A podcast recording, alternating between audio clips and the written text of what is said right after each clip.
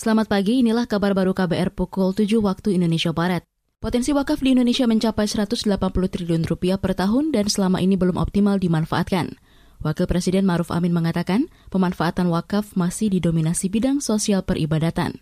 Itu sebabnya pemerintah ingin mentransformasi wakaf agar bisa dikelola lebih luas dan modern melalui Gerakan Nasional Wakaf Uang yang diluncurkan kemarin di Istana Negara. Dengan semakin banyaknya berpartisipasi dalam kegiatan wakaf, diharapkan dapat dikembangkan berbagai program dan kegiatan untuk memberdayakan masyarakat termasuk umat. Dengan demikian dapat membantu meningkatkan kesejahteraan ekonomi masyarakat sehingga berdampak pada menurunnya kemiskinan dan ketimpangan. Wakil Presiden Maruf Amin menambahkan pengelolaan wakaf yang profesional bakal menarik minat korporasi hingga milenial. Selanjutnya, pemerintah pusat menargetkan bendungan Marga 3 dan Wai Sekampung di Lampung selesai dibangun tahun ini. Bendungan dibuat untuk mempermudah akses irigasi para petani. Hal itu diungkapkan Menteri Pekerjaan Rumah dan Perumahan Rakyat Basuki Hadi Mulyono saat meninjau progres pembangunan bendungan di Lampung kemarin. Kita bangun bendungan Marga 3 sekarang. Ini tingginya sekitar 24 meter nanti dengan kapasitas sekitar 30 juta meter kubik.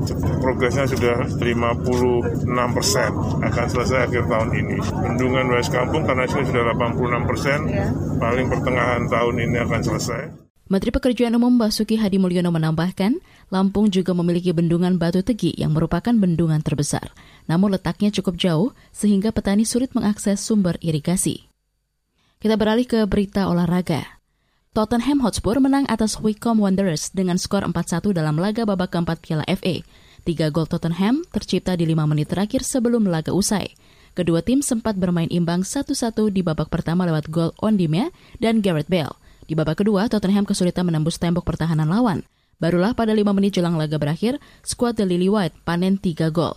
Satu gol dicetak Harry Wings dan dua gol lainnya oleh Tange Dombel. Dengan kemenangan ini, Tottenham melaju ke babak kelima. Demikian kabar baru KBR, saya Naomi Liandra.